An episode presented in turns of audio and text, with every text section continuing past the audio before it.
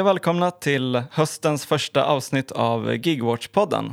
Jag heter Jakob och eh, jag sitter här i studion med Felix och eh, med vår gäst för dagen, Max Karlsson från ETC. Och eh, vi sitter också i ETC studio ska jag tillägga. Ja, exakt. exakt. Varmt välkomna till studion hörni. Tackar, tackar. Säger jag. Jag har maktövertaget från början. Precis.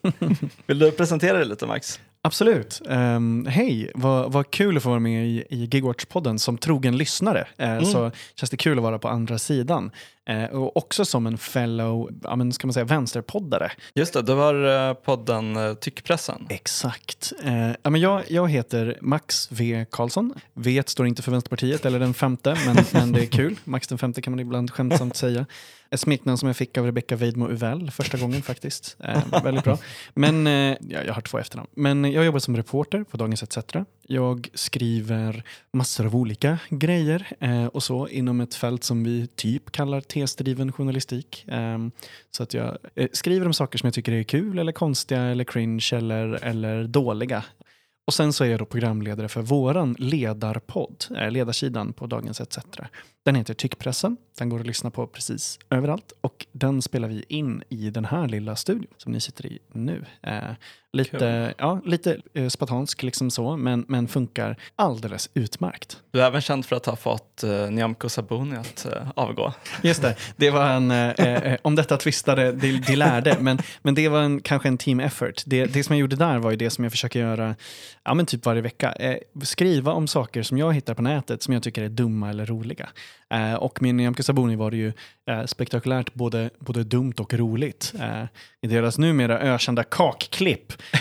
Det finns ju i princip, jag har ju det sparat såklart och det finns på Twitter, på min Twitter, men de har ju tyvärr tagit bort det i liksom en ådra av, av liberal historierevisionism. så har de liksom tagit bort hur Tove Livendal, Ulf Kristersson och Nyamko Sabuni stakar sig fram när de försöker likna det politiska Sverige med olika småkakor. Det är väldigt roligt. Fanns det någon kaka som representerade gigekonomin? Nej, men nästan. Det fanns en som var alltså radiokakan och den fick ju stå för eh, så teknisk utveckling ah. eh, och, så, och typ innovation och, och sånt. Och även vaniljdrömmen fick stå för hopp. Eh, om man skulle prata politiskt hopp. Eh, alltså det är mycket, mycket sämre än hur jag får det att låta. När jag säger det så kanske det låter lite kul. Men det var inte det, för det var liksom Tove Livendal som fick hålla låda eh, och man ser Ulf Kristerssons navel i hela klippet och mm. Nyamko Sabuni säger typ så här, men bland annat att hon ska fly landet eh, om, om det händer någonting. Liksom. Och då var det en kvinna som beskrev, ja ah, men så har jag ju en släkting på västkusten och det är nära Norge. Om det blir krig så åker jag till landet, blir det värre så åker jag till Norge, de är medlemmar i NATO. Jag har själv tänkt precis samma sak ja men då har vi Skillingmark i Värmland. Eh, där kan vi klara oss med mat och vatten och så vidare. Och blir det ännu värre så kör vi över till Norge. Det kommer samverka, att vi lär oss att vi behöver både ha egen självförsörjning det roligaste med allt det där det är ju att det är de som har gjort det själva. Jag tycker det är väldigt kul att skriva om när personer med makt eller väldigt mycket pengar eller så eh, själva drar ner byxorna och säger titta här står jag med röven bar. Liksom. Det, det tycker det. jag är väldigt roligt. Du la också upp det här klippet med eh, Henrik Jönsson för några, några veckor sedan. Eh, den här eh, entreprenören som grundade hungrig.se som numera är en del av Foodora. Som, som vi faktiskt, eh, den här, den här rapplåten som han gjorde, ah, som vi tog upp i första avsnittet av podden.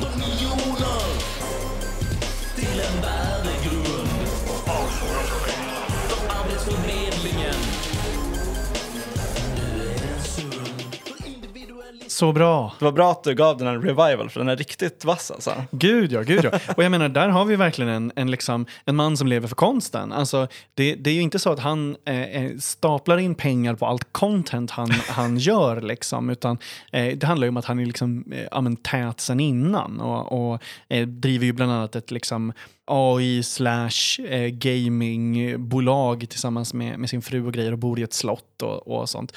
Eh, alla, alla roliga karikatyrer liksom, av, av hur gig-miljonärerna eh, eh, är. Liksom. Väldigt cringe, väldigt, väldigt cringe. Men inte utan makt. När han lanserade sin bok som kom eh, förra hösten då var ju tre av fyra borgerliga partiledare där på lanseringen. Ulf Kristersson, Ebba Busch och Nyamko Sabuni. Eh, de var liksom där eh, eh, för att lyssna på, på honom och, och, och sånt. Jag vet inte om det betyder att de bara har, liksom bara har dåliga contentprofiler till höger, att de liksom inte har så många andra. eller om han liksom är, egentligen är en jättetrevlig prick. Ja, det är liksom svårt att säga. Jag, jag, tycker han verkar mesig och, och, det är därför det är så kul. Eh, han är också väldigt ängslig. Om man tittar på honom i live-debatter jämfört med sitt liksom, YouTube-content, då är han mycket mer försiktig med vad han säger. Ah, okay. tittade på ett klipp eh, som handlade om eh, the great awakening, eh, om wokeness inom näringslivet. Ah, okay. och det, var, det var en Almedalspanel som arrangerades av Svenska Evangeliska Alliansen, ni vet de som hatar bögar. Eh, och eh, han var med i den här panelen eh, och skulle liksom prata om wokeness i näringslivet. Men så fort han blev liksom Eh, eh, att någon sa emot honom lite eh, i den här panelen där det var, liksom en, en, det var en miljöpartist och det var någon mer som var med och sådär. Så fort de sa eh, emot honom, då var han så här, ja så kan det ju i och för sig vara att möjligheterna är att man kanske, du vet liksom backa på sina egna positioner omedelbart till skillnad från den här liksom självsäkra YouTube-killen som pratar fort och viftar med händerna som han är mm. annars liksom. Väldigt ja. roligt. De, panelen sändes från en, en segelbåt i Älmedalen som var jättestor. Där det stod en banner, eller det var ett hjärta med Israels flagga i. Och så stod det eh, Jesus, det stod något med Jesus. Eh, det var typ så här, eh, det var inte Sail with Jesus, men det var liksom väldigt, väldigt nära det. Mm. Eh, det var väldigt, väldigt bra. Så det var Max Karlsson, välkommen. ja, exakt. Jag, jag, pratar, jag pratar fort och mycket och skrattar högt. Så det, ja. ja, men eh, Anledningen till att vi har bjudit in dig eh, idag till podden är ju eh, att du är eh, ledarskribent på Dagens ETC. Du just visade väldigt bra koll på liksom, politiken i Sverige och de olika figurerna i det politiska landskapet. och eh, därför tänkte vi att det skulle vara kul att eh, snacka lite med dig om vår nya rapport. Ni som lyssnar och som har följt oss eh, i sociala medier och så under sommaren kanske har sett att vi har släppt en eh, text som eh, vi har döpt till Plattformarna och politiken. En undersökning av eh, de politiska partiernas inställning till gigekonomin. De svenska partiernas de inställning? Svenska. Ja, men det var, men det, jag, jag hade absolut inte kommit ihåg undertiteln, men det där var, det var snyggt. Ja, eh, fick nästan till det. Uh, och ja, som titeln antyder så är det då en uh, granskning av hur de politiska partierna i Sverige förhåller sig till gigekonomin. Det är uh, någonting som, som inte har funnits jättetydligt så utskrivet tidigare. Så vi beslutade oss för att skicka ut en enkät till partierna där vi lät dem svara på fyra olika frågor. Och sen så, efter att de hade svarat på den så kollade vi lite också på hur de faktiskt röstar och agerar kring frågan. Eh, och utifrån det har vi då skrivit en 20-sidors rapport som man kan ladda ner på vår hemsida eh, som pdf. Vi har också gjort lite intervjuer i bland annat Flamman och Arbetaren som man också kan läsa om man är intresserad av vad vi kom fram till. Eh, eller så kan man fortsätta lyssna nu. Det är det vi ska prata om. man kan göra alla de grejerna. Exakt. Men först tänkte jag bara höra om ni har haft en kul sommar. Det vi, vi, har varit på paus här med podden sedan uh, början på maj faktiskt. Så uh, det har gått en del tid. Uh, ha, har ni haft det trevligt? jag har pratat så mycket, du får börja. Uh, jo, men jag har varit, varit en uh, riktigt trevlig sommar. Jag besökte västkusten för första gången. Nice. Jag var typ lite där och uh, det är blåsigt. Ja, precis det. jag kunde inte bada en enda gång, det var typ där jag hoppades på att kunna så bada i havet. typ, jag, men, Ja, det var blåsigt, eh, men trevligt annars. Eh, och vi har ju haft en poddworkshop också. Just det. Eh, det två helger sedan? Ja, precis. Bjöd in lite blandade svenska vänsterpoddare. En, en ganska blandad grupp. Mm. Uh, du var och inte där. Ja men exakt. Och det var inte bara killar där ska vi säga. Det var inte bara, det var inte bara poddkillar där. Det var inte, den stereotypen stämmer inte. uh, nej, men jag var också där. Det, jag tyckte det var toppen. Uh, det blev lite annorlunda också eftersom jag är ju, jag är ju anställd för att podda också. Mm. så det var jätteintressant att höra om liksom, utmaningar som många ideella poddar har och, och, och jämföra det och liksom, förutsättningar och så. Och sen så tycker jag det var jättekul att eh, träffa liksom fler som eh, dels tycker liksom poddar är kul och, och eh, så, men också att många har ju blivit liksom tvättäkta fullblodspoddproffs. Eh, som, som bland annat Lovina från Gigwatch som, som höll en, en svinbra workshop. Mm. Eh, som jag tyckte verkligen var, den, det, det ska sägas och förevigas i podd, att, att det, var väldigt, det var väldigt värdefullt tyckte jag. Jag har också haft en bra sommar. Jag har ju egentligen bara jobbat. Och eh, all, med allt ifrån Almedalsveckan till eh, massa annat. Eh, det är ju inte så att eh, eh, nyheter stannar upp. Eh, de, de, de fortsätter bara komma, eh, the news. Men eh, det har varit väldigt bra. Eh, det händer mycket roliga grejer, framförallt inför, inför valet såklart. Mycket roliga och töntiga grejer. Du då Jakob, vad har du gjort i sommar? Ja, men jag har också haft en eh, trevlig sommar. Vad har du gjort? Ehm, jag, har, eh, jag sadlade om eh, under ett tag till badaktivist. Ja, ja, just det. Folkets exakt. bad i Täby. Precis. Eh, var ute vid den här trevliga helikopterplattan Mm. eh, i Täby och tog ett dopp. Fick göra bomben i TV4 faktiskt. Mm. Det är inte alla som har fått göra det.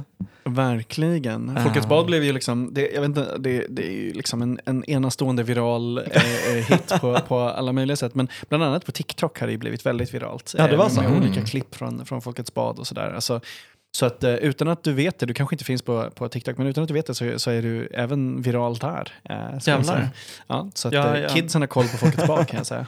Nice. Okej, okej. Ja, vi kanske måste skaffa TikTok och Ja. hålla oss uppdaterade. Ni har Jag ju hört att, även, eh, att vi blev populära även bland olika lantmätarmyndigheter och andra som var Alltså, trötta på. kommuntjänstemän runt om i landet hurrar. Eh, och, eh, men, och sen så är det ju också så att det har ju faktiskt, eh, och det här är kul för lyssnarna att veta också, det har ju faktiskt eh, påverkat eh, ett politiskt parti också. I förra veckan så genomförde ju Miljöpartiet en, en aktion vid samma helikopterplatta där Mär-. Märta Stenevi tillsammans med bland annat Rebecka Forsberg från Grön Ungdom och flera andra miljöpartister badade vid helikopterplattan och därefter eh, höll en liten presskonferens på helikopterplattan om deras politik för ett starkt strandskydd. Ehm, och där bland annat Märta Stenevi skrattade högt och härligt på frågan om hon var avundsjuk på de här som hade de här Täby, Täby-villorna. De hänvisade ju explicit till Folkets bad. Ja, verkligen. Nej, men så din badaktivism har, eh, den har påverkat människor. Jag har ju också läst en rapport under sommaren ska jag säga. Så Ja, just det. ja, Mm. och Ja, just det, jag har också varit bra- med och skrivit rapporten. Exakt. Nu tänker jag en bra segway till den. Mm. Precis. Men du kanske vill berätta, du har, om du har läst den här rapporten nu i sommar, du kanske vill berätta om första intryck som du fick? Ja, eh, det första som jag tänkte, det var varför finns inte det här redan? Och så känner man ju ofta när det är någonting som är väldigt bra. Um, så har jag ju liksom alltid, jag har ju alltid gillat Gigwatch, alltid följt det från start och sådär.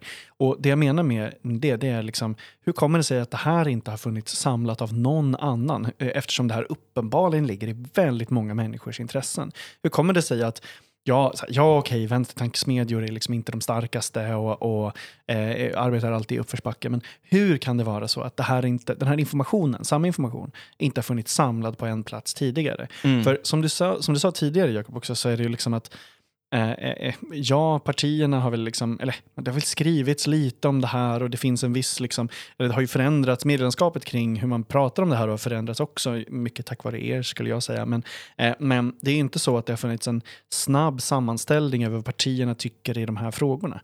Det var mitt första intryck, att jag liksom tyckte att det var som frisk luft att se informationen på, samlad på en och samma ställe. Mm. Eh, vad var ditt första intryck Felix? Du har inte heller varit med och skrivit rapporten. eh, Mm, nej, utan precis. har läst den nu efter publiceringen. Så jag har läst den väldigt nyligen också. Jag, jag kände väl det också att det här är ju liksom en perfekt eh, sammanställning av de här. Att det är väldigt eh, lättillgängligt och gör det väldigt tydligt. Det är väldigt konsekvent sätt att presentera vad, vad partierna tycker, eller vad de säger att de tycker och vad de faktiskt gör åt det. Så om det är någon skillnad på vad de säger och vad de gör. Eh, och man kan få lite tydligare bild att eh, om det är någon speciella block eller så kanske som har, är lite mer positiva och det andra som kanske är mer kritiska mot det. Men jag märkte väl också speciellt att de som man kanske tror skulle vara lite mer kritiska mot det eller ändå uttala sig kritiskt mot det skulle kanske komma med lite fler, eh, kanske skulle också omsätta det i någon slags politik. Mm. Eh, det är väl det som är, ja, kanske inte jätteförvånande för mig för det var väl ändå något som jag har hört om tidigare eftersom jag också är aktiv i Gigwatch men eh, det var väl ändå, eh, ja, nej men det var en väldigt bra rapport och eh, till själva, den var väldigt snabbläst liksom. Men man, man kom, kom igenom snabbt och fick en väldigt bra överblick. Ja, det ska jag också säga. Jag tycker det var lätt att hänvisa till. Alltså, eh, I och med att, att strukturen var liksom, eh, eh är tydlig och, och källorna är tydliga och, och så, eh, så känns det liksom som ett väldigt eh, lättillgängligt dokument att hänvisa till. Jag läser väldigt mycket rapporter för att jag får så mycket sådana tips och, och eh, liksom, menar, nyhetsbrev och, och, och sånt. Eh, men det här är en sån som liksom, eh, man, man, dels så kommer man ihåg bitar, men sen så kan man också väldigt snabbt hänvisa till liksom någonting under en viss underrubrik för ett visst parti. Mm. Eller något sånt där. Sen håller jag med dig Felix om det här med att eh, det finns inte... Det här känns som ett till område där eh, flera partier tappar bollen. Alltså att man inte antingen inte vet hur det faktiskt ser ut idag och vad som händer att man inte har koll på aktörerna. Eh, och då menar jag både liksom de som jobbar och företagen och, och sånt där. Men också typ så här, den rena lagstiftningen. Att man liksom inte man har bara släppt det. Lite som man har gjort med bostadspolitiken i typ 60 år. Att så här, om du frågar en politiker idag hur systemet med förhandlade hyror funkar, då kommer ingen kunna svara på det, förutom mm. de liksom allra mest inbitna nördarna. Trots att det är mer eller mindre allmängiltigt politikområde. Och så känns det också med det här. Intressant. Det känns som att de inte riktigt har koll bara. De, de vet inte hur det är. De är, de är, så här, de är också liksom, eh, internetskadade boomers som tänker jag kan beställa någonting med min mobil. Typ. Ah. Eh, och, och det, det där är en så här återkommande grej såklart, men att man måste påminna sig själv om att politiken och makthavare inte är smartare. Mm. Verkligen. Det, det känns som uh, någonting man uh, inser ganska ofta när man uh, sätter sig in i politik. Liksom. Fanns mm. det någonting under läsningen som överraskade er? Nej, men det som överraskade mig lite var ju att eh, de som faktiskt har någon slags politiska förslag om gigekonomin är ju egentligen bara eh, de traditionella högerpartierna. Ja, de är positivt inställda till det här och tycker att det skapar väldigt mycket jobb och ser det mer som kanske en IT-utvecklingsfråga kanske mm. än vad det är, alltså teknikutvecklingsfråga än vad det faktiskt är, än vad det faktiskt är en arbetsfråga. Centerpartiet hade ju kommit här med ett förslag om en särskild instans som ska granska lagstiftning och myndighetsbeslut som eh, citat blockerar och försvårar utveckling av digitala tjänster. Så det är, det de ser det ju som liksom utveckling av digitala tjänster mer än en utveckling av eh, liksom hur vi ser på arbete. Eh, och den här instansen skulle egentligen ha uppdraget att, för, att liksom föreslå lagändringar och förlänkningar av administrativa rutiner som skulle underlätta för de här gigföretags verksamhet. Så det är egentligen att jag, läste det och kände att det här känns som att det kan bli extremt ideologiskt laddat också. Det är, så här, det är som att man, en Timbro-myndighet, det är väl där man tänker på också, att många av dem, hur de liksom eh, klär de här frågorna mer som någon slags ja, digitala tjänsterutveckling mer än faktiskt arbete. Eh, Just det. Att de gärna vill prata om det på det sättet. Det är som det här begreppet delningsekonomi mm, som äh, används liksom för att klumpa ihop alla möjliga saker. Mm. Uh, vilket också var lite svårighet när vi skrev den här rapporten, att det finns ju vissa partier som har uttalat sig om det som kallas för delningsekonomin. Det finns till exempel ett, um, ehm, något slags företag som heter Hygglo som är ett sånt där delningsföretag där man liksom hyr ut typ verktyg till varandra. De hade gjort en enkät om delningsekonomin då för några år sedan. Och när man läste den så såg man liksom, ja, men dels att alla partier var positiva till delningsekonomin inom liksom big quotes, um, men att de verkade lägga så himla olika innebörd i det. Att det var liksom vissa som verkligen såg det som typ Uber och så. Medan andra var så här, ja det är klart att vi är positiva till typ eh, tjänster för att låna ut prylar till varandra. Det finns någon slags hopklumpning där som eh, gör att det blir lite svåröverskådligt. Fanns det något som överraskade dig, Max? Ja, alltså jag, jag trodde ändå inte att de positiva partierna skulle vara eh, så pass positiva som de ändå är. I att, eh, jag tycker att, att eh, ett exempel som har fått flera av de mest liksom, teknik eh, liksom, positiva eller na tekniknaiva eh, partierna eh, att få dem att ändra ståndpunkt är ju elsparkcyklarna. Där har ju det svängt eftersom det sociala trycket svängde. Eftersom folk hatar de där liksom, vuxenleksakerna som, som är svinfarliga eh, och som liksom fyller akuten varenda helg. Så jag trodde ändå att, att det skulle få någon form av effekt av att man liksom inte eh, eh bara rakt av ska liksom anamma den här kaosenergin som allting oreglerat har. Liksom. Det är ju väldigt så, och framförallt kanske Liberalerna som är liksom, gärna liksom djupdyker ner i det oreglerade trots liksom, den eh, ja, uppenbara faran. Men, men sen är det kul att de liksom nämner specifika företag i sina liksom program och sånt där. Eh, det är liksom en ny nivå av politiskt simperi eh, eh, när man nämner så Airbnb och Uber och, och sånt där. Men mm. det är också för att man hatar de marknaderna som det företagen liksom förstör. Man hatar taximarknaden och, och man, framför så hatar man reglerade hyror. Liksom. Mm. Förhandlade hyror och korrekta hyror och så. Och det ligger ju också i girlboss-facket liksom, av grejer man ska stödja. Att alla ska se sig själva som eh, liksom, sin egen lyckas smed och egenföretagare och egenanställd. Och, liksom, if you dream it you can achieve it attityden. Men, mm. men jag, jag trodde ändå att man inte skulle vara liksom, lika, i princip bara naivt okritisk som, som man är. Liksom. Sen, man kanske har några små förbehåll, men det känns mest som att de positiva partierna antingen så känns det som att de vet om de negativa bitarna och liksom skiter fullständigt i det. Eller så känns det som att de bara liksom simpar för ett företag med en cool logotyp som mm. de gillar, typ.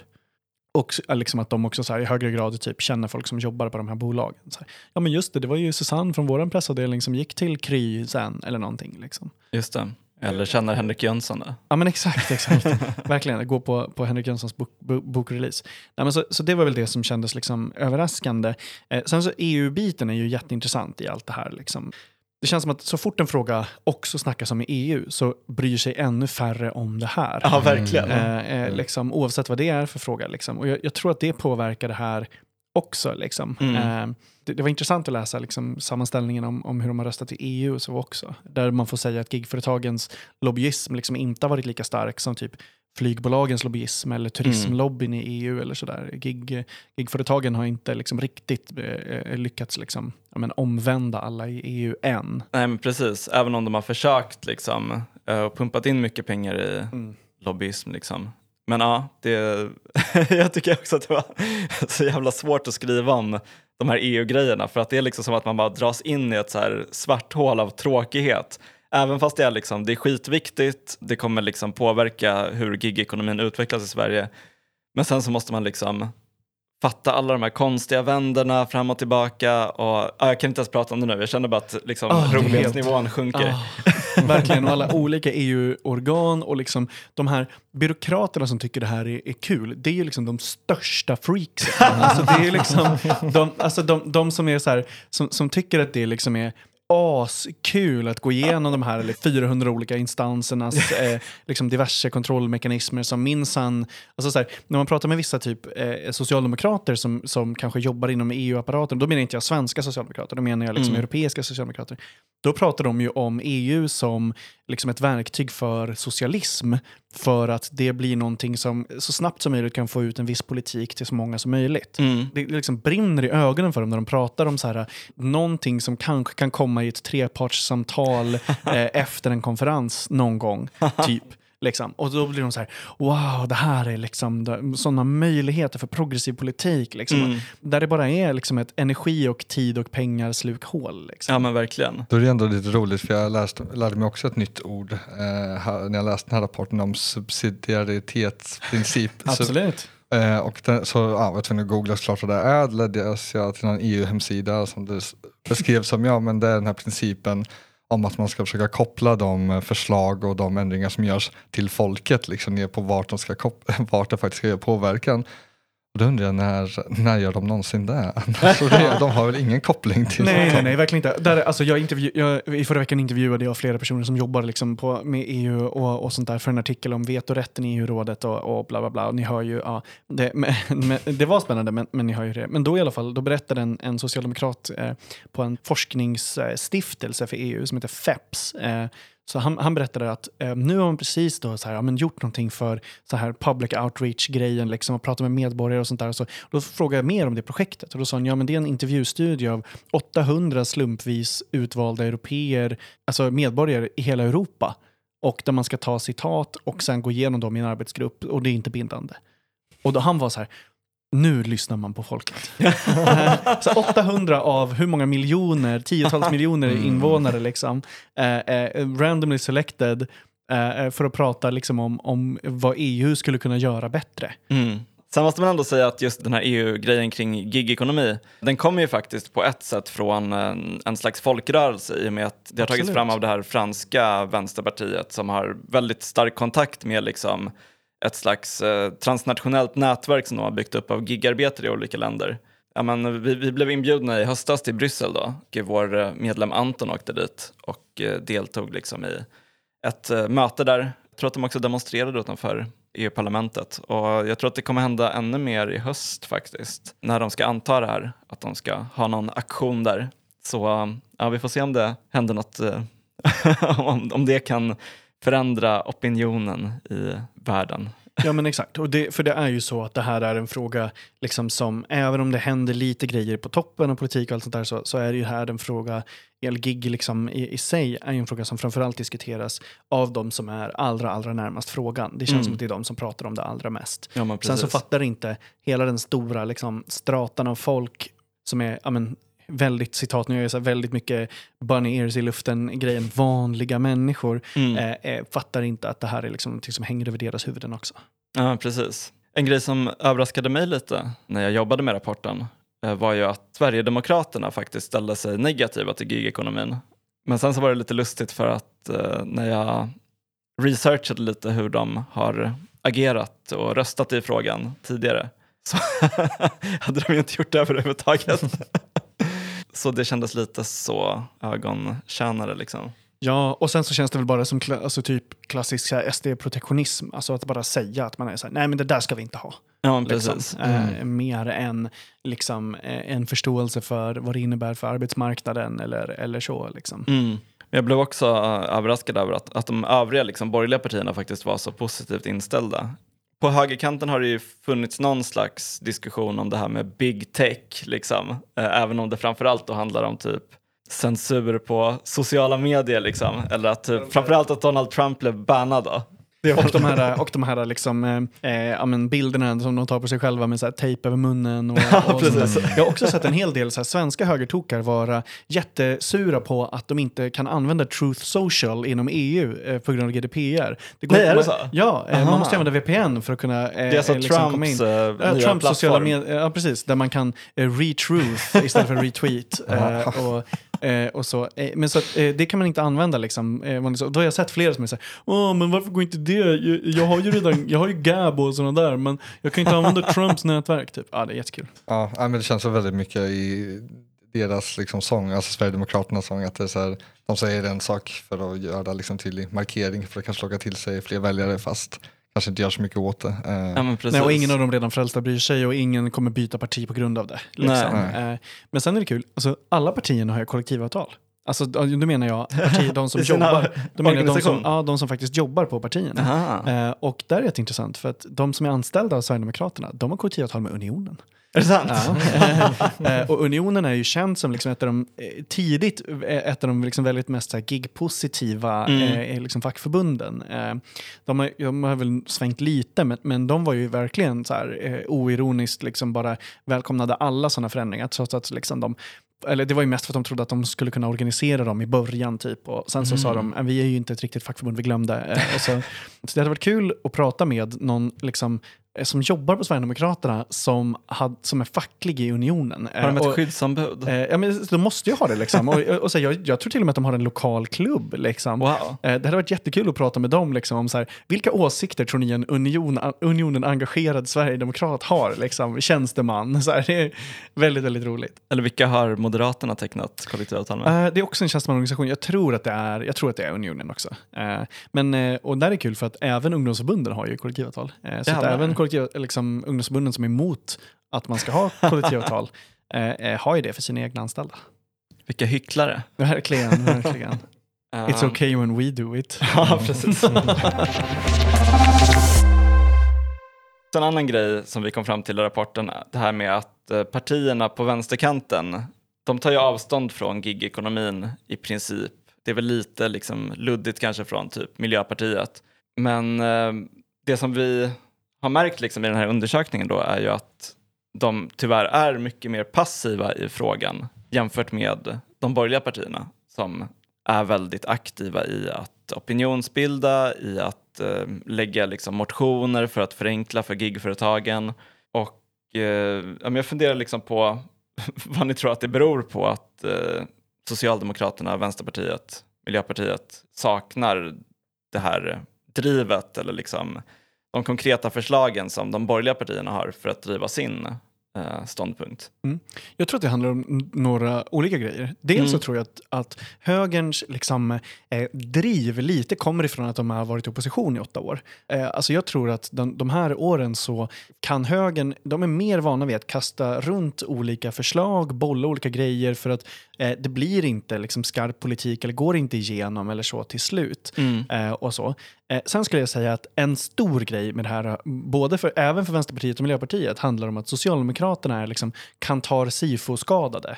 Alltså att, att de tror att följa opinion är samma som att försöka bilda opinion. liksom. Och att eftersom det här då är en fråga som inte har vädrats jättemycket i mm. liksom, offentligheten, det är inte någonting som liksom, fackförbunden pratar jättemycket om ännu, även om det blir lite mer. Liksom. Eh, det är inte någonting som typ ledarsidor till vänster pratar om och eh, jämfört med liksom andra frågor som är kopplade till arbetsmarknaden, då tror jag att man liksom har varit rätt avvaktande. Man ser det här fortfarande som ett avlägset hot för att man liksom mm. inte har koll på hur, eh, hur det är nu. Liksom. Eh, för att sammanfatta liksom, så tror jag att det handlar om en ängslighet hos vänstersidan i att man är, inte vet vilken väg det sociala trycket ska gå i den frågan. Att man är rädd att stöta sig med om alla gillar Foodora för att man liksom inte har, riktigt har koll. Eh, man ser det som ett avlägset problem och att högern har liksom eh, är mer vana med att ha den här eh, lilla naggande liksom, eh, ledartröjan, eller vad man ska säga, så i, i rollen som opposition. Att mm. Man är mer van vid att, att lägga fram en, en viss linje liksom, som sen kanske inte blir. Det tror jag är det. Sen att man också inte ser det här som en arbetsfråga såklart. Att man inte ser det här som en fråga som kopplar till eh, människor som jobbar och företag. Och man ser inte det här heller som alltså, ett hot mot typ de företagen som finns och som har kollektivavtal och sånt där. Mm. Utan man ser det här som en, en kul grej som man ibland får upp som reklam på YouTube. Kanske också lite för att man inte har lika bra kontakt med alltså sina internationella motsvarigheter och liksom man, är inte, man är inte samma internationalister som man brukar. För att vänsterorganisationer runt om i Europa pratar ju jättemycket om det här. Ja, precis. Men vi är ju lite liksom, isolerade i Norden, eh, lite självvalt också.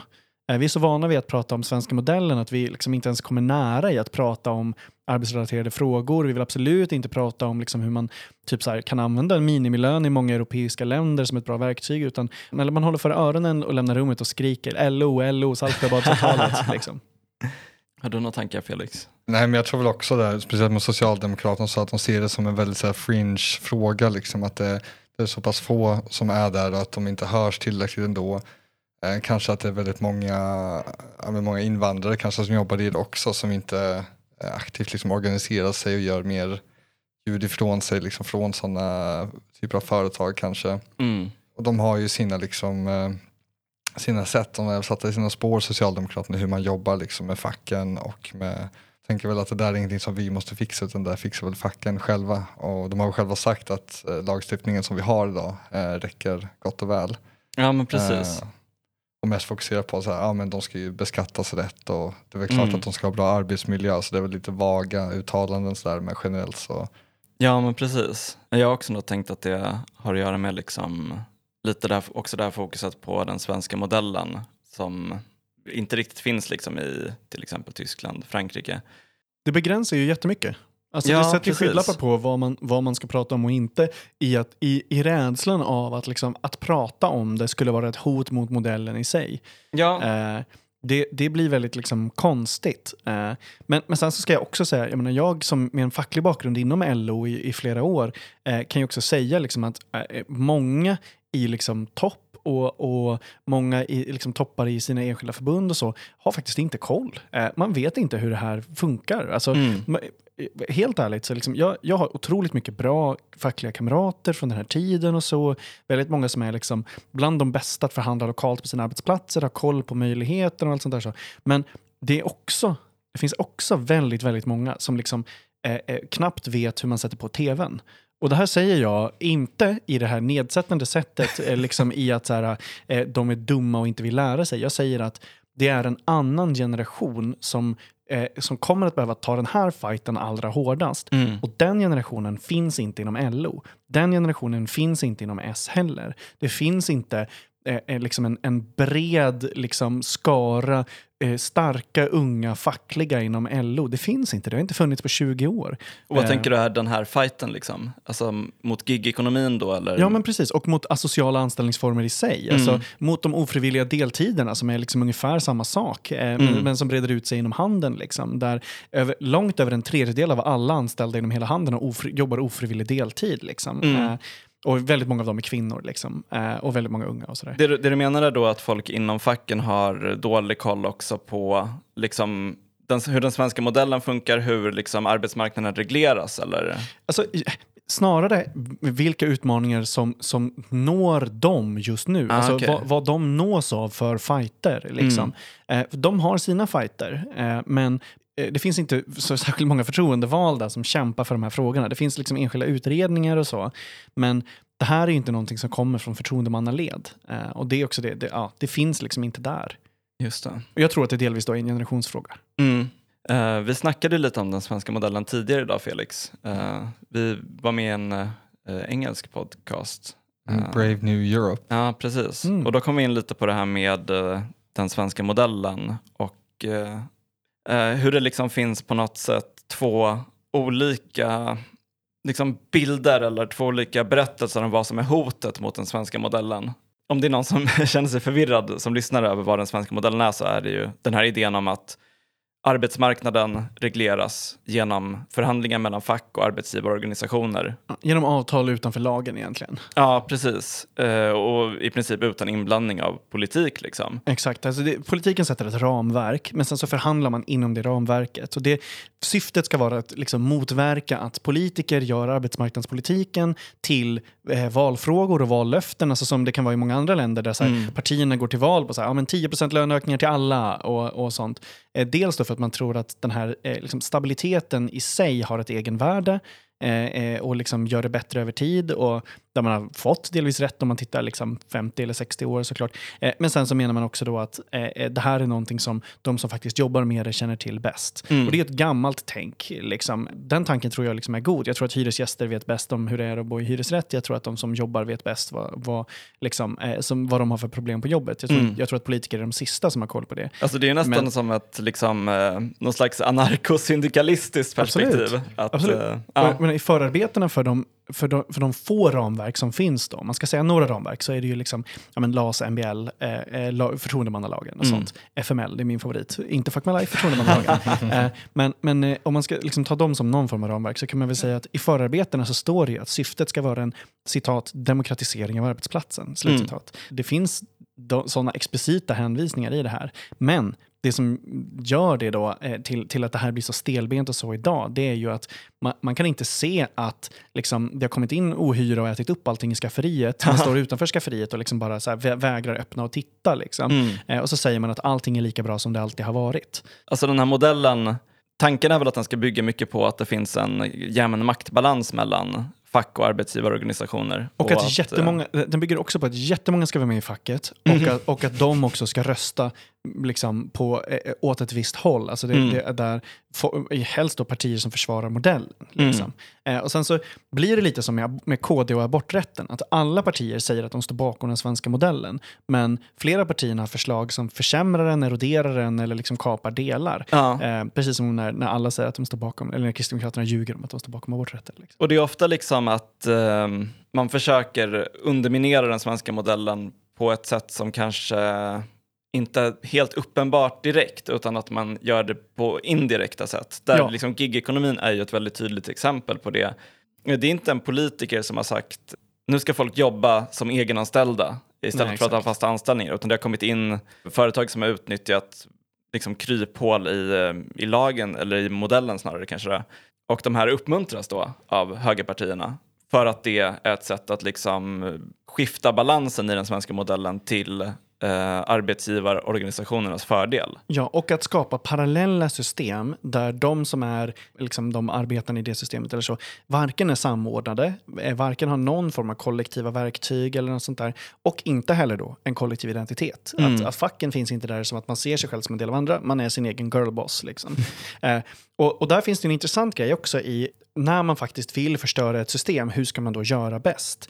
Den, en av de bättre böckerna som jag läst precis om, om sådana strategier om det, det är ju uh, How to be an anti-capitalist in the 21st century av Erik Olin Wright. Mm som säger väldigt, väldigt bra då att hans föredragna metod, det är inte en från natt till dag över en annan revolution, för att han tror att det skulle liksom skada väldigt många människor och, och sånt där i, i hur man gör när man ska byta från ett system till ett annat. Mm. Från, från någonting dåligt till någonting bra i hans exempel. Liksom. Eh, hur gör man då? Så här, ja, men det man gör då det är att man eroderar det systemet som finns nu. Alltså att man, man bit för bit äter man upp det, bygger det parallella, lägger makten någon annanstans. Eh, och eh, framförallt minskar utrymmet för där det finns en jättestark makt. Alltså, säg att det skulle skifta. Säg nu att så här, om, om 15 år så är gigekonomin den, den dominerande delen och den kollektiva, liksom jobben med kollektivavtal och svenska modellen är den väldigt lilla. Så här. Mm. Säg att vi skulle, den skulle vara 10% av arbetsmarknaden. Då skulle ju LO fortfarande stå där och säga att svenska modellen fungerar, men inom sitt lilla område. Liksom, ja, för att precis. man missar det här parallella ja. systemet och har då blivit överkörd. Liksom. Mm. Ja, men det, känns, det märks ju väldigt mycket på hur eh, ja, men många högerpartier som pratar om att det inte är gigföretagen i sig som är problemet och inte de här falska egenanställningarna i sig som är problemet, utan Problemet är att de inte täcks av de här liksom, eh, sociala välfärdssystemen, socialförsäkring, a-kassa och annat som vi andra tar för givet liksom, när vi har en fast anställning de vill ju egentligen att, det kan ju låta bra att de, där de säger då att nej, de här människorna som jobbar i gigekonomin ska också täckas av det här för att eh, liksom, de ska ha, ja, de har rätt till samma ja, rättigheter som andra vanliga arbetare. Problemet med det är ju då att man bara liksom normaliserar de här typen av anställningarna och gör dem liksom mer okej. Okay. Så egentligen bara plåstrar om och säger okej okay, men nu har du egentligen samma rätter som oss men mm i det där så tar man ju bort de här, som du sa, man eroderar bort liksom lite i taget. Till exempel det här med ja, men, möjligheten att organisera sig fackligt. Rätten till skyddsombud. Rätten till skyddsombud för den utanför kan det ju låta bra att de här människorna liksom får lite bättre förhållanden att arbeta i. Vilket, det, ja, det är svårt att säga emot det, men då får man ju se det i den processen av liksom, en erodering av vad liksom, en, en trygg arbetsmarknad är. Ja. Och politiskt så är det ju också en självförtroendefråga. För att precis det här argumentet slog man ju hål på när det gällde marknadshyresdebatten. Alltså, de få som faktiskt vågade säga att de öppet ville ha marknadshyror, mm. eh, eh då, då menar jag inför att regeringen fälldes förra, förra sommaren när det var nyproduktion på, eller det var fri hyressättning och nyproduktion som skulle röstas om. Eh, de få som sa det, de, när de fick frågan så här, ja, men vart ska då människor som inte har råd bo? Så här, ska, ska alla fattigpensionärer, alla vanliga människor, alla ensamstående mammor behöva flytta. Då var ju deras svar, nej men då måste vi se till att bostadsbidraget även kan gälla dem. Mm. och, och, och, det kan låta bra vi, liksom, om man bara tittar på det första steget. Här, mer pengar i fickan hos, hos någon liksom, som, som behöver då hjälp med att betala sin nya skyhöga hyra. Men det man inte ser då, eh, eller det som man i och för sig från vänster då, korrekt identifierade, det var att det var egentligen bara en värdeöverföring från det, från det, offentliga till privata hyresvärdar som mm. redan är rika. Liksom. Eh, och på samma sätt blir det ju här. Det. Alltså att alla former av liksom högerlösningar på det här, eller dämpningar av effekterna eller något sånt där, det blir ju bara ett sätt att underlätta och underblåsa liksom den utvecklingen för de här redan jättestora riskkapitalfinansierade bolagen. Ja, men alltså det man gör om man eh, inför de här liksom, eh, skyddsnäten eh, som är utformade på det här sättet, det är ju att man liksom, man säger okej, okay, det är helt okej okay att ni på typ Uber Eats inte har liksom en eh, så här, löneadministratör. Eller det är okej okay att ni inte har någon personal anställd. För vi, vi tar hand om det. Mm. Vi anställer den personalen och så sköter vi allt det som ni inte orkar sköta. För att ni liksom ska kunna gå lit, med lite mindre förlust varje år. Eh, vilket är helt absurt ju.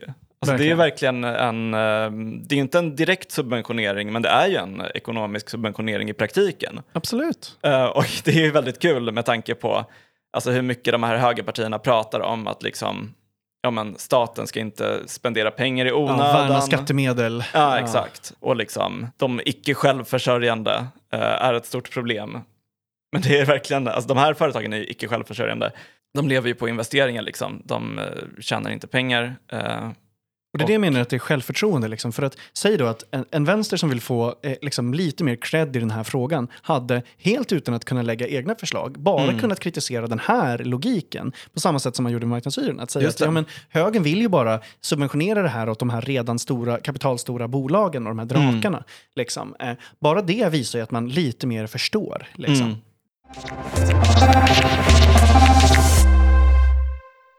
I, I den eh, politiska debatten idag så känns det ju väldigt mycket som att arbetsfrågor har hamnat i skymundan.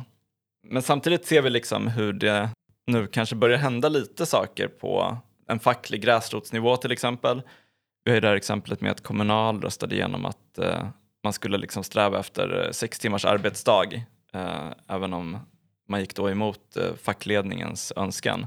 N nu när det börjar röra lite på sig kanske i fackförbunden, um, vad, vad, krävs egentligen för att få upp arbetsfrågorna igen på någon slags politisk agenda? Vad, vad krävs för att politisera liksom, frågan om arbete? Jag har ett, ett rätt kort svar här som är liksom ett passionsprojekt från min sida. Mm. Och det är frågan om kollektiva identiteter. Alltså, mm. det enda, menar jag, i liksom modern tid som pressat partierna till ett, liksom, no, att egentligen göra någonting, det är socialt tryck. Det är när det finns ett socialt tryck då från en grupp eller från ett gäng med Folkets badare eller eh, något sånt där. Man kan visa att det sociala trycket pressar eh, åt ett visst håll. Mm. Eh, oavsett om det är bensinupproret eller då Folkets bad. Liksom. Eh, och eh, vad, vad, som krävs för det då, det är ju att man kan se sig som en del av någonting annat eller en större grej. Det är alltså en kollektiv identitet. Vilken kollektiv identitet då, som var självklar bara för 15 år sedan, 20 år sedan, är helt bortblåst idag. Arbetare. arbetare. Exakt. Mm. och, och det är Ingen ser sig som arbetare. Nej, och den är ersatt med girlboss eller sin egen lyckas smed. Liksom, mm. och, och, så. Eh, jag menar att en grej som man kan göra för att få upp arbetsfrågorna då på en politisk agenda rätt snabbt det är att pusha för den kollektiva identiteten som arbetare. Eh, och då de här osynliga banden mellan alla människor. Att man pratar om de här, ja men vilka är det som levererar brödet som sen är i din ICA-butik? Vem mm. är det liksom? Eh, när du går förbi någon på stan, att man tänker liksom, vad finns det för osynliga band mellan mig och den människan?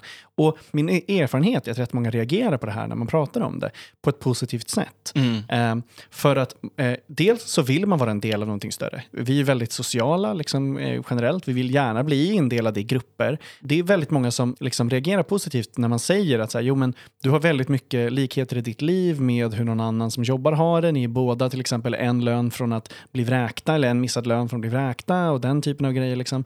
Uh, och arbetare är inte lika dammigt eller liksom så, för att det har legat nu ensamt utanför politiska agendan. Ingen i politiken säger arbetare, mm. vilket gör att man inte heller kopplar arbetare direkt till politiken. Jag tror att det är ett gyllene tillfälle för fler att se sig själva då som det, vilket då det visas av till exempel den fackliga revolutionen i USA just nu. Där det är massor av till exempel kids som jobbar på Starbucks som plötsligt ser sig som arbetare. Liksom. eh, och eh, där de har det som sin kollektiva identitet. Där mm. man ser det i USA som att så här, nej men, vi ska inte bygga upp partierna, vi ska bygga upp liksom, labor. Vi ska bygga upp eh, eh, liksom, de fackliga organisationerna igen. Det är de där folk behöver vara med och betala pengar till och bli liksom, en politisk kraft. Och där man har liksom, fått flera vinster. Um, så att kollektiva identiteter och fokus på det, det tror jag, då tror jag att man får upp de här frågorna väldigt, väldigt snabbt på, på den politiska agendan. Ja. Sen så funderar jag lite på, så här, är det liksom arbetaridentiteten som man vill återvända till? Mm. Alltså det som man ser väldigt mycket i gigekonomin, det är ju faktiskt att folk glider in och ut mellan liksom positionen som arbetare och positionen som arbetslös. Alltså på en liksom timme till timme basis typ.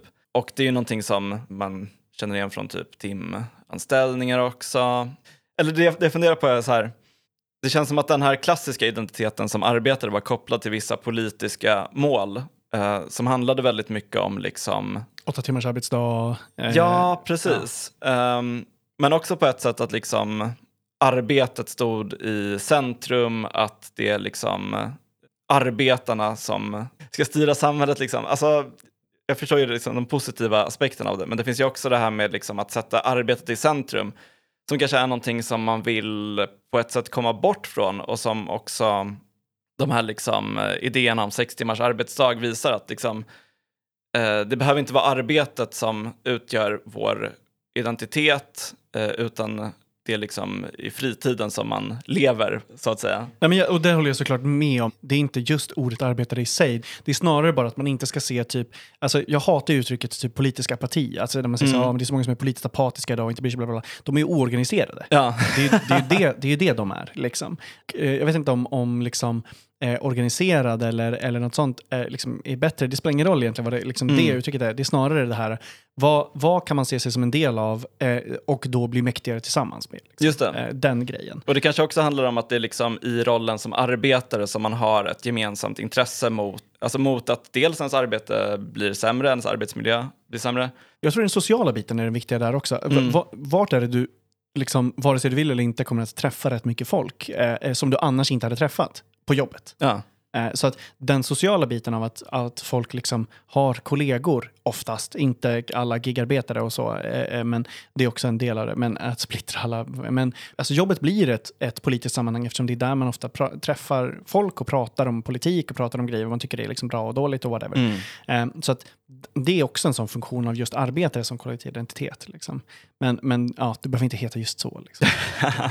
Men det tror jag i alla fall skulle vara ett sätt. Säg, Mm. säg att det skulle komma ett spjutspetsprojekt som typ liknar Folkets bad, fast som handlar om typ arbetstidsnedläggning. Jag kan, jag kan se framför mig att det skulle kunna komma en modern, snygg, eh, slow work eh, liksom rörelse i Sverige. Mm. Alltså de som helt enkelt bara gör sitt jobb så långsamt som möjligt. Istället för att de, de strejkar ju inte. Liksom. Men det var ju en sån grej som var rätt vanlig i Sverige när det var förbjudet att strejka, till exempel under Mm. världskriget. Maskning. Exakt, maskning. Att göra saker så långsamt som det bara, bara går, som en del av att visa hur pressad man är eller hur viktigt det är liksom, med, med, eh, ja, med, med arbetstiden. Och sånt. Jag skulle kunna se att något sånt skulle kunna komma och få typ samma effekt som Folkets bad, eh, fast just i den frågan om så här, diskussioner om hur snabbt man jobbar och inte. Mm. Det finns ju också den, eh, den väldigt roliga motståndstaktiken där man följer instruktionerna till punkt och pricka. Exakt. Det, var ju, det är vården som har haft flera sådana eh, eh, grejer. Eh, där man har följt varenda regel, varenda rutin. Liksom. Eh, Med och resultatet att det går jättelångsamt. det tar typ sex gånger längre tid eller något sånt där. Det, nej men verkligen, verkligen. Och, och det finns, sen finns det grejer som man kan göra, alltså som är, de kanske är lite mer plojiga, men kommunikativt funkar väldigt bra. Eh, I Sydkorea så gjorde man så att inför en förhandling, en, en typ eh, kollektivavtalsförhandling, eh, när cheferna och, de, och förhandlarna skulle gå till förhandlingsrummet så behövde man passera golvet där alla jobbade då. Där är en bilfabrik. Man sa åt sina medlemmar att alla skulle ha röda tröjor på sig på golvet. Bara för att cheferna skulle se hur många de var på väg in till förhandlingsrummet. Ah. Eh, och så merch, eller liksom eh, den, den grejen, det är inte att underskatta. Eh, för att det här skrämde ju livet på just de här cheferna, liksom, när de ska gå förbi golvet och och även förhandlarna har ju liksom röda tröjor. Eh, eh, och så ser de att alla anställda har, i liksom ett hav av anställda har röda tröjor på sig. Mäktigt. Eh, väldigt bra och en jätteenkel grej. Liksom. Eh, och så här, kan ses som plojigt, men, men det var ett socialt tryck som funkade. Liksom. Ja. Eh, och just det där, merch är en sån enkel grej att liksom ja, men identifiera sig till eller knyta sig till. Alla hatar tygpåsar, men jag menar att tygpåsar var bra för typ vänstern 2010. Alltså så här, att, att man hade tygpåsar från massa olika organisationer och grejer, det är toppen. Ja, Men det var ju som man skaffade kompisar när man var tonåring också. Ja. Man sa så här, ah, men du har en bandtröja som jag känner igen, så, här, så dig har jag säkert något gemensamt med. Eller en Ja, pin verkligen. eller Ja, ja, precis. något man sånt ska inte underskatta kraften i en tisha med ett roligt eh, tryck. Ja, alltså, men det- verkligen, verkligen. Och liksom den typen av markörer. Vi har ju, alltså, Vad finns sånt för liksom vänsterpolitik på det sättet nu? Som är en sån så här, liksom rätt bra markör som inte bara är cool. Alltså inte bara är liksom, eh, ett visst klädmärke eller något sånt. Det, Och som vi äger själva. Liksom. Ja. Ja, precis. Ja, om, om någon där ute sitter på en eh, bra tröjprinter så fixa något snyggt motiv. Verkligen, tröjprinter goes brrr. Exakt.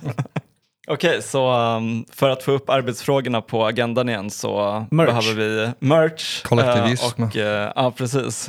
Kollektiv identitet kanske. Exakt. Uh, men liksom ett tryck underifrån. Och det är väl också det som liksom behövs för att också, för att återknyta till ett tidigare ämne, få den svenska modellen att fungera. Alltså få facken inom gigekonomin till exempel att ja, framstå som en farlig motståndare för företagen. Vilket de ju tyvärr inte gör idag.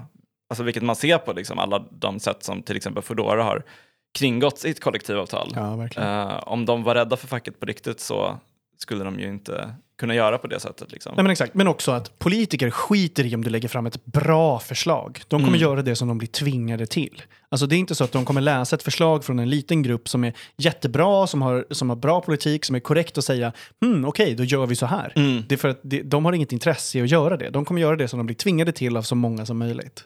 Nice.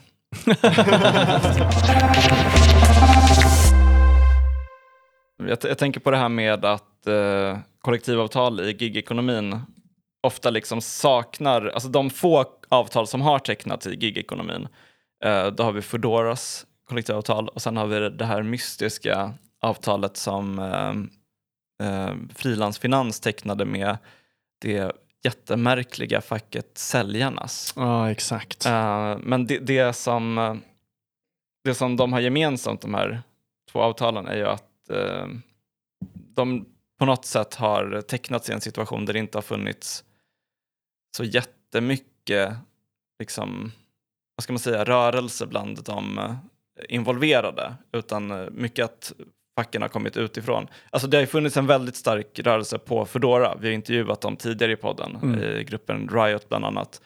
Ehm, men det fanns ju också väldigt många på företaget som var oorganiserade. Eh, och eh, det har ju lett fram till ett väldigt svagt avtal som företaget har kunnat kringgå på olika sätt.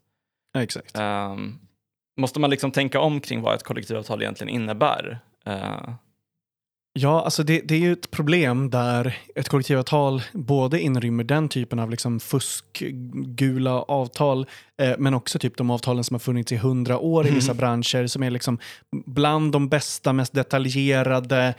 De som har vuxit och som, de avtalen som har vuxit är extremt starka. Att de skulle beskrivas som samma sak som de här fuskavtalen, det är ett problem. mm, Det tar tid att förklara skillnaden mellan då ett kollektivavtal och ett kollektivavtal.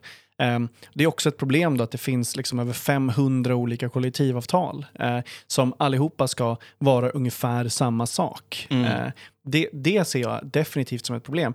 Eh, om inte annat rent kommunikationsmässigt. Hur ska en, en person som inte är liksom fackligt skadad veta den här skillnaden? mm. Eh, man ser kollektivavtal och det blir som en stoppreplik för att inte kräva ännu mer. Just det.